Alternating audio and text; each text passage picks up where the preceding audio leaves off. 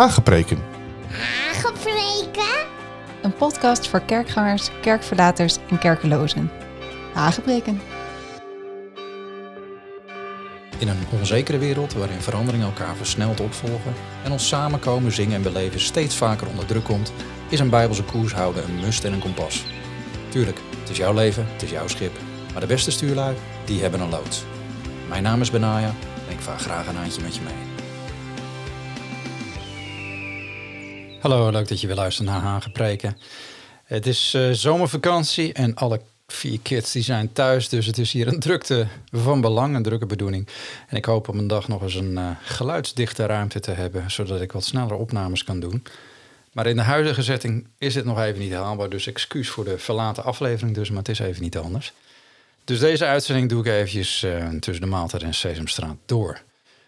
Genoeg details. Dit is alweer de 26e aflevering over het leren verstaan van Gods stem. In het afgelopen half jaar, voor de mensen die net aanschuiven, hebben we uitvoerig gekeken naar allerlei facetten van hoe God tot ons kan spreken. En nogmaals, ik hoop dat het je geestelijk heeft verrijkt en, en verdiept. Ik had zelf ook niet gedacht dat ik zo lang in het onderwerp zou blijven, maar soms vergeet je een beetje hoeveel je eigenlijk ontdekt hebt en, en hoeveel er te leren valt als je zelf al een tijdje op weg bent. Sommige dingen die worden haast een, ja, een tweede natuur, een, intuïtief verstaan en aanvoelen. En dan is het wel eens moeilijk om opnieuw in stapjes de boel te ontleden om aan anderen dit door te geven. hoe kwam ik hier eigenlijk? Maar het is wel heel waardevol, ook voor mij. Want gaandeweg besefte ik zelf ook hoeveel rijker mijn eigen omgang met God is geworden in de loop der jaren. En uh, nou ja, waar een podcast dan niet goed voor is. Hè? Het mooie is, we groeien allemaal in het leren verstaan van Gods stem. En gelet op de eeuwige natuur van God, is dit leerproces vast eindeloos. En uh, telkens weer zullen we dus nieuwe facetten en aspecten van God spreken ontdekken. Als we met hem blijven wandelen, natuurlijk, in dit leven. En in het begin zullen dit waarschijnlijk kleine babystapjes zijn, zoals iedereen dat doet. Waar we voornamelijk dingen ontdekken vanuit zijn woord, vanuit de Bijbel. Maar gaandeweg, als je je openstelt om geleid te worden door zijn Heilige Geest, zoals Jezus die aan ons heeft beloofd, dan zal je steeds meer manieren ontdekken van hoe hij dingen aan ons duidelijk maakt. Of zoals ik in een van de eerste afleveringen uitlegde, het is misschien vergelijkbaar met een man en een vrouw die elkaar al heel lang kennen.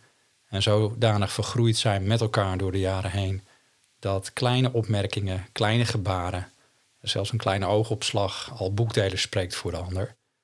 En wat dan voor buitenstaanders onverstaanbaar en, en ongrijpbaar is, blijkt dan tussen twee geliefden een op elkaar ingespeelde manier van communiceren te zijn. En soms een simpel opmerken van wat de ander wil of wat de ander nodig heeft. Maar zo begint het natuurlijk niet. En je kan misschien wel het een en ander hierover lezen, maar dat wil niet zeggen dat dit van toepassing is ook op jouw unieke relatie met die ander. Tenminste, ik ontdekte al gauw dat veel van de beschreven, ja, wat ik dan noem relatieclichés en tips van goed bedoelde mensen om mij heen, in mijn eigen relatie met mijn vrouw totaal niet werkte. Zo deden gedichten haar bijvoorbeeld niet zoveel, hoewel ik er tig had geschreven voor ik haar ontmoette. Dat ging als vanzelf na mijn eerste studie Engels. En uh, ja, die vond ze dan wel oké. Ja, was mooi. Maar het deed er niet zoveel. En ook bleek zij niet zo van de lange aanloop qua uh, romantiek. Hè. Het had dus weinig zin om boekjes te volgen. Je weet hoe dat gaat. Bosje bloemen meenemen. Zorgen voor een atmosfeer. Zacht muziekje. Licht dimmen, et cetera. Nee, zij bleek gewoon lekker down to earth, praktisch en nuchter. En bovendien veel bloemen kon ze bovendien niet eens tegen vanwege hooikoorts. En muziek, ja, ze is enorm muzikaal, ze zingt. Maar muziek op de achtergrond leidt vaak zodanig af dat ze het dan liever uitzet. Ik moet zeggen, ik ben er maar wat blij mee. Dat ze gewoon meer is van what you see is what you get. En uh, kennelijk wist God dat dat bij mij paste. En uh, wist God het beter als ik zelf kon uitzoeken. Oftewel, ik moest leren ontdekken wat paste bij mij en mijn vrouw binnen onze relatie. En die relatie is uniek. En net als een andere een unieke relatie zal hebben met zijn partner of met een vriend of een vriendin of familieleden onder elkaar. En met God is het niet anders. Er is geen standaard manier van spreken. Er is geen standaard omgang. Maar hij wil wel vertrouwelijk met je omgaan. En die vertrouwelijke omgang, zoals Psalm 25, vers 14 zegt, vertrouwelijk gaat de Heer om met wie hem vrezen. Zijn verbond maakt hij hun bekend. Ja, hoe hij dat bekend maakt, is op een vertrouwelijke, unieke manier. Het is wel zo dat hij zijn spreken op je geestelijke groei, en jouw geestelijke leeftijd als het ware, zal aanpassen. En wat bedoel ik daarmee? Nou, Johannes spreekt in de Bijbel over kinderen, jongeren en vaders in het geloof. En dat vind je in 1 Johannes 2, waar hij zegt: Ik schrijf u, lieve kinderen, want de zonden zijn u vergeven omwille van zijn naam. Ik schrijf u vaders, omdat u hem kent, die er vanaf het begin is. En ik schrijf u jonge mannen, omdat u de boze hebt overwonnen. Ik schrijf u kinderen, omdat u de Vader kent. Ik heb u geschreven vaders, omdat u hem kent, die er vanaf het begin is. Ik heb u geschreven jonge mannen, omdat u sterk bent en het woord van God in u blijft en u de boze hebt overwonnen. En dat is eigenlijk een prachtige breakdown, een gradatieniveau van groei die Johannes hier beschrijft. Oftewel, op kindniveau mag je niet te veel verwachten. Net als in het natuurlijke eigenlijk. Een kind moet zich geliefd weten, vandaar dat Johannes ook schrijft, lieve kinderen. En een kind moet weten dat hij fouten maakt, maar dat dat hoort bij opgroeien. En die worden dan vergeven als we spijt hebben. Dat geeft Johannes aan. En zo leert een kind God kennen als een vader. En als vader weet ik, je praat niet met je kinderen op jouw niveau van taalvaardigheid of begrip van dingen. Je begint eenvoudig. Je praat over dingen die je kind kan pakken op een manier dat hij of zij begrijpt. En zo is het ook in je groei richting God. Je ontdekt allereerst dat hij je lief heeft. Bekende tekst natuurlijk, Johannes 3, vers 16 is vaak de eerste tekst die mensen kennen. Al zo lief heeft God de wereld, hij gaf zijn enige geboren zoon. Iedereen kent het, want je weet dan op dat hele primaire niveau, hij offerde zijn eigen zoon op om jou te redden. En je hebt daardoor ook een besef van je zonde, van je eigen gedrag en denken, maar je weet ook dat God je vergeeft. En je hebt in het begin ook enkel nog het besef van God als Vader en Jezus je redder. En de omvang van zijn heerschappij en de verstrekkende gevolgen voor jouw leven en de werking van de Heilige Geest in en door jou heen naar anderen toe zijn voor een later stadium. En in je verstaan van Gods stem zullen die eerste primaire dingen dan vooral domineren. Vanuit liefde groeit dat vertrouwen naar God als je vader en een bewustzijn dat hij als een vader je niet als een soort strenge ja, legersergeant om de oren slaat en afbrandt omdat je dingen niet goed doet. Maar hij weet, je moet leren wandelen in zijn wegen. Je moet leren vertrouwen. En ook leren leunen op zijn genade. Maar je blijft geen kind. En op een gegeven moment leer je op geestelijke voeten staan. Je leert balanceren. Je leert bepaalde gedachten en gedragingen af te leggen. Niet uit eigen kunnen, maar omdat je je overgeeft aan die genade van God. En vanuit die dankbaarheid en vanuit een groeiend besef dat het enorme offer wat Jezus bracht voldoende is, ga je leren dat je nee kan zeggen. Dat je geen slachtoffer bent. Niet van je verleden, niet van je omstandigheden. En ook niet van de kwade krachten die komen stelen, slachten en doden. Zoals Johannes 10, vers 10 zegt. Nee, je, je leert dat je weerstand kan bieden aan de duivel. Leert dat je je kan wapenen. Efeze 6 spreekt over een hele wapenrusting. En de kracht van gebed leer je.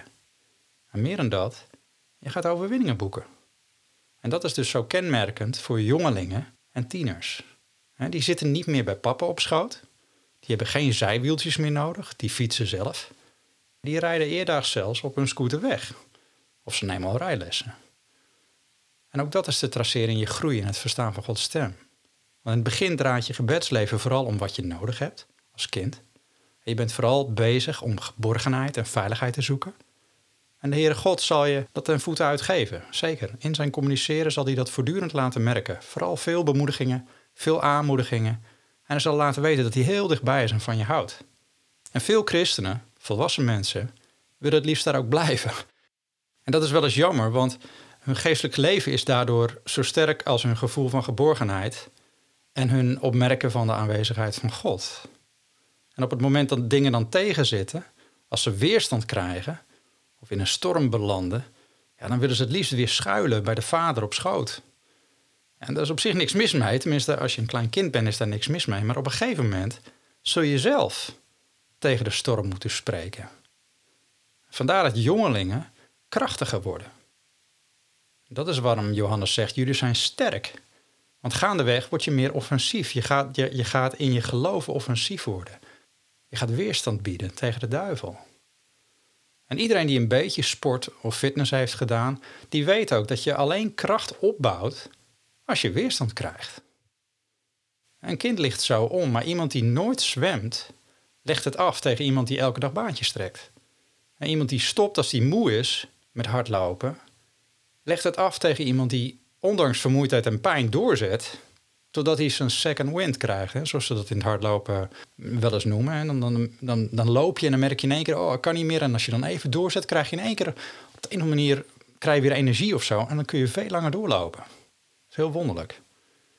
En je geloofsleven ga je gaandeweg doorkrijgen. Ja, jongens, we zitten niet meer in de Hof van Eden. We hebben inderdaad een vijand.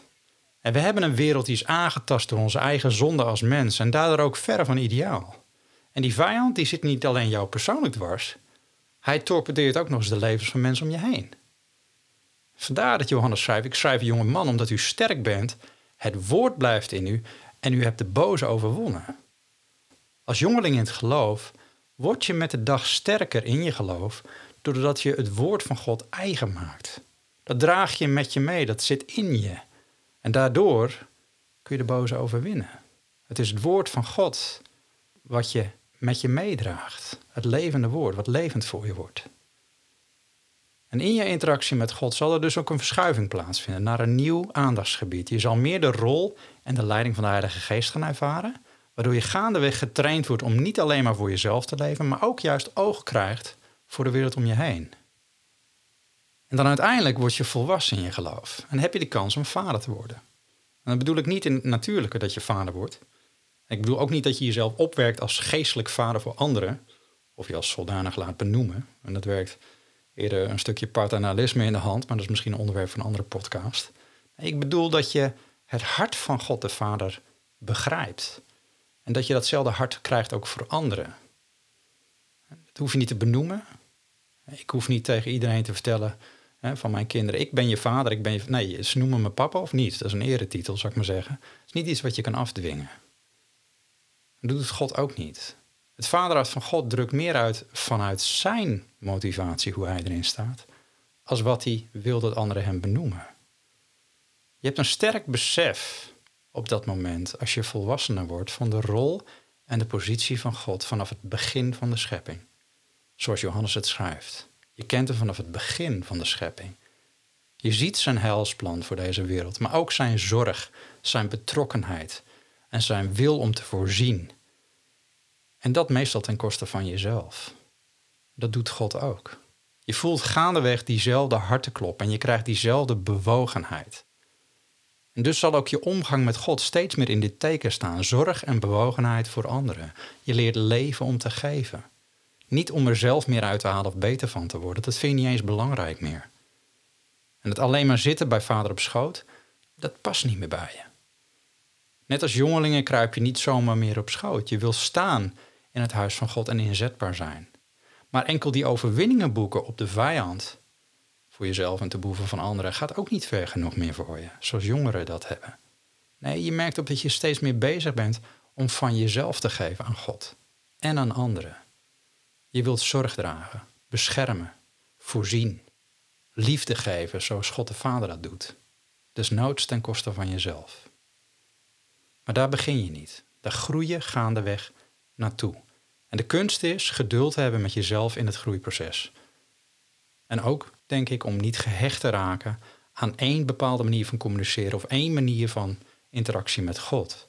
Want in elke groeifase zal de Heer op andere manieren tot en met je spreken. En zo begon ik zelf ook met het leren verstaan van Gods stem. Eerst was ik vooral bezig met het ontdekken van die, wat ik dan noem van die aha-momenten in het woord van God. En vooral bij navigator zag ik dat heel sterk van teksten die eruit sprongen, waardoor ik antwoorden kreeg op mijn vragen. Precies zoals mijn eigen zoontje voortdurend vragen aan mij stelt, aan zijn papa: waarom? Waarom dan? Waarom niet? Maar dan blijft het niet bij. En gaandeweg ontdekte ik ook dat God mij bepaalde indrukken kon geven die als ik ze serieus oppakte, echt verbazend accuraat bleken. Het werkte bijna een beetje als op water lopen. Steeds weer een stapje op een schijnbaar onzeker terrein. En dan bleek het toch weer te houden. En dus liep ik door. Ik heb wel eens hele merkwaardige ervaringen gehad. Ook, nou, ik noem bijvoorbeeld eentje bijvoorbeeld in de Filipijnen. Dat ik zat na een prediking bij een maaltijd. De Filipino's die mogen altijd graag eten na een kerkdienst. Is geweldig. En ik zat daar en in één keer komt er een westerse man tegenover mij te zitten. En die zegt verder niks. Die schuift aan, die knikt. En ik krijg in één keer een heldere indruk. een woord van kennis, noem je dat ook wel. Dat is gewoon een plaatje van wat er op dat moment speelt. En ik kijk hem aan en ik zeg, jij bent eenzaam. En hij schrikt. En hij kijkt mij aan. Ik denk, wat zeg ik nu? En dan, hij knikte iets. En ik zeg, ik, ging door. Het is net als die stapjes waar ik het over heb, die stapjes op water lopen. Ik zeg maar, en jij trouwde een Filipina en je dacht dat het hielp. Maar het hielp niet. Klopt dat? Hij knikte weer. Ik zeg, waar zit je vrouw? En hij knikte naar uh, iemand die verderop stond. Ik zeg, en nu voel jij je ongelukkig, want jij zou het liefst teruggaan naar Amerika. Je bent Amerikaans? Hij zegt ja. Zeg, maar als je daarheen gaat, dan voelt zij zich doodongelukkig. Hij zegt, ik weet niet hoe je dit allemaal weet. Hij zegt, maar het klopt.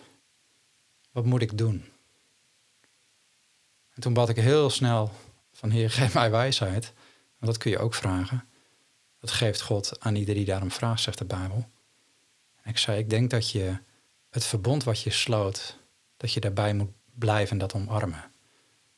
Dit is de keuze die je gemaakt heeft en God gaat het honoreren als je erbij blijft. Later vernam ik dat hij zelfs zo ver was dat hij dacht, misschien moet ik scheiden van deze vrouw. Zomaar iets wat binnenkwam, indrukken.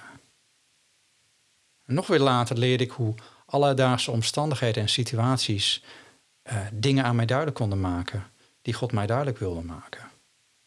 En nog weer veel later begon het besef van tegenwerking van Satan steeds duidelijker te worden. En dat was weer een ander groeiniveau. Dan werd je meer jongeling, dat God me patronen en gedragingen liet zien. En valkuilen die ik herkende, hoe ik zelf en later ook anderen daarin vielen, keer op keer. En dit waren waardevolle eye-openers die de Heilige Geest gaf. En dan ontstond die worsteling. Soms een interne strijd van jaren waar ik moest leren vechten, leren volharden, leren overwinnen en blijven winnen. Niet door zelf heel hard te knokken of wilskrachtig te zijn, maar om te leren leven vanuit een andere manier van denken. Vanuit een ander besef. Om daar overwinning over te boeken. Niet leunend op jezelf, maar leunend op een openbaring en leunend op het besef van wie je bent in Christus en wat Hij doet. Dat is misschien iets voor een volgende serie. En zo ontvouwde zich een heel palet aan manieren van communiceren. En in het begin dacht ik nog hoe volwassener ik word in het geloof, hoe meer God gaat spreken. Want hij zou dan immers meer aan me kwijt kunnen, dat dacht ik. Maar dat was niet zo. Het is niet zo hoe groter je groeit, hoe meer God spreekt. Het is eerder hoe groter je groeit, geestelijk, hoe meer je verstaat. Sterker nog, ik merk eerder dat hoe meer ik opgroeide in het geloof, hoe intuïtiever mijn communicatie met de Heer werd. En als ik dat weer spiegel aan de opvoeding van mijn eigen kids, dan is dat eigenlijk ook wel logisch. In het begin doe je namelijk alles. Hè? Het flesje, de luiers, aankleden, schoenen strikken, fietsje pakken enzovoort. En daarnaast doe je ook nog het hele huishouden. Maar believe you me, als je vier kids hebt en je vrouw is daar ook niet in, helemaal in topvorm, dan, dan, dan hou je dat niet vol. Nu mijn dochters wat ouder zijn, merk ik dat het maar wat lekker is dat ze zelf hun tanden kunnen poetsen, ontbijt klaar kunnen zetten, zich kunnen aankleden, kunnen meehelpen. Want je wil niet blijven aansturen. Op een gegeven moment weten ze wat ze moeten doen en wat er van hun verwacht wordt. En zo is het ook met God. Want ik weet wel dat er mensen zijn die, ik heb het wel eens gehoord, die zelfs aan de Heere God vragen: wat moet ik vandaag aantrekken? Maar ik denk dat je dan vergeet dat je misschien niet alleen geestelijk de plank een beetje mislaat, maar ook vergeet dat je in het natuurlijke ook geen peuter meer bent. Hè? Uh, ik heb het ook wel eens genoemd in een vorige aflevering. God heeft ons een fantastische autonomie gegeven over ons eigen leven. Hij schiep de wereld, hij maakte een hof waarin hij de mens plaatste. En toen zei hij: ga heen, vermenigvuldig je en, neem hier een heerschappij over. En dan ging Adam en Eva dus niet vertellen hoe ze aardbeidjes moesten planten. Die autonomie, dat zelfbeschikkingsrecht om keuzes te maken, om dingen te doen of te laten of zelf aan de slag te gaan, ja, dat liet hij aan ons over en dat is kostbaar. En dat is iets om te omarmen. Niet om bang voor te zijn of weer terug te geven aan God alsof je incapabel bent eh, of hij je incapabel heeft gemaakt om op je eigen benen te staan en keuzes te maken. Hij garandeert je dat hij je zal leiden en begeleiden, maar hij gaat niet de keuzes voor jou maken. Sterker nog, ik geloof dat hij van geniet als hij ziet dat wij onze creativiteit die we van hem gekregen hebben ook gaan inzetten. En omdat je in hem leeft, beweegt en je wezen in hem hebt, zoals Paulus zo mooi zegt in Handelingen 17, is het behoorlijk lastig om sowieso buiten zijn wil te komen als je hart op hem gericht is. En ik heb mensen wel eens gevraagd die mij vroegen: Benaai, hoe wist je nou dat het Gods wil was dat je na je Engelse studie een studie in Amerika moest doen? Nou ja, zeg ik dan altijd: ik wou het gewoon heel graag. Dan krijgen mensen een beetje: hoe, kan dat? Net als dat ik graag als vrijwilliger naar Nepal wou destijds, omdat verder ook niemand zich aanmeldde. En ik dacht, als de Heilige Geest Paulus kon verhinderen om ergens heen te gaan, dat lezen we in Handelingen 16, ook al had hij al van alles gepland, ja, dan zal hij dat bij mij ook wel doen als ik een fout maak. Als ik een verkeerde afslag neem. De Bijbel zei, ga heen in geheel de wereld en predik de evangelie. En ik, ja, ik zag verder geen vers om, om op mijn plek te blijven, dus ging ik. Zo simpel was het. En gaandeweg werd ik pas bevestigd dat het inderdaad in lijn was met Gods plan. En sommige mensen hebben ook gezegd, hoe wist je dan dat, dat jij degene was die, die een weeshuis of een blijf van mijn lijfhuis of een straatjongenshuis moest bouwen? Nou, daar had ik ook geen concreet briefje vanuit de hemel voor ontvangen. Het was meer dat ik wist dat de Bijbel leert, doe wat je hand vindt te doen. Maar ook dat zuivere godsdienst voor God de Vader is het bezoeken van weduwen en wezen en hun verdrukking. En ik dacht, nou ja, dan kan ik net zo goed aan de slag gaan. Ik merkte dat God ja, daar, daar, uh, daar wel funding aan, aan, geven. Dat ligt op zijn hart. En dat gold ook voor het bouwen van een Bijbelschool in Nederland. We werden opgedragen door de Heer Jezus om alle volken te onderwijzen en hun te leren onderhouden wat hij ons heeft bevolen. Matthäus 28. Dus ja, waarom zou je niet beginnen met bouwen? Natuurlijk zijn er ook wel genoeg andere dingen waarvoor concrete richting en aanwijzing voor de Heer nodig waren. Ook gebieden waar ik heen ging. Maar veel van Gods leiding in mijn leven, naarmate dat ik volwassen werd in mijn geloof, was geleid door de Heilige Geest zonder woorden. Meer op basis van wat ik wist vanuit zijn woord, wat de bedoeling was, wat zijn hartsgesteldheid was. En die kleine nuances van doe nu dit of doe nu dat, die kwamen daarbij. En dat wil hij ook in jouw leven doen. Hij wil spreken, hij wil je leiden, maar niet altijd door woorden, soms ook gewoon intern. En hij past zijn spreken op jouw leeftijd aan. En hij zit te wachten tot jij gaandeweg meer woordjes spreekt, net zoals een vader dat doet. En in het begin is voorspelbaarheid heel belangrijk voor je, dingen makkelijk kunnen pakken. Maar hij heeft geen standaard manier van spreken. En daarom is het ook belangrijk misschien is dat een goede afsluiting van deze serie, dat je niet afhankelijk wordt of verslaafd aan één manier van horen of één manier van communiceren met God. En dat je ook gewoon leert doen soms wat het woord zegt. Gewoon doen wat je de Vader ziet doen. Doen de dingen die Jezus deed. En gaandeweg merk je dat hij extra dingen gaat toevoegen en extra dingen gaat spreken. Nou, zomaar nog een invalshoek van hoe God spreekt. Het is afhankelijk in die zin van je groeiniveau. Van wat hij gaat spreken en wat je kan verstaan. Hij gaat niet veel meer spreken per se, maar je gaat wel veel meer opmerken en verstaan. Nou, volgende keer gaan we kijken naar, uh, naar meer van dat groeiniveau. Dat is misschien wel de nieuwe serie die ik wil inzetten. Maar voordat het zover is, komt er even een pauze. En dat vind ik zelf heel jammer. Maar bid ook voor mij, zoals ik voor jullie bid. Ik heb een uh, tamelijk zware operatie die ik volgende week ondergaan moet waarna ik twee weken rust moet houden. En uh, als dat voorbij is, pak ik het volgende onderwerp op. En hopelijk kan ik al een beetje vooruitwerken. tot die tijd, blijf luisteren naar het woord van God. Blijf koers houden. En binnenkort navigeren we weer verder.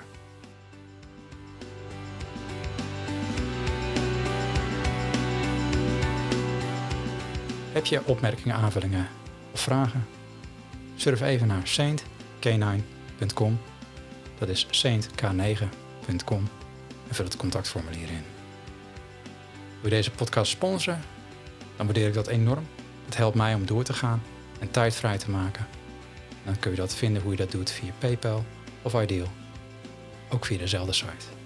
Dankjewel. En tot binnenkort.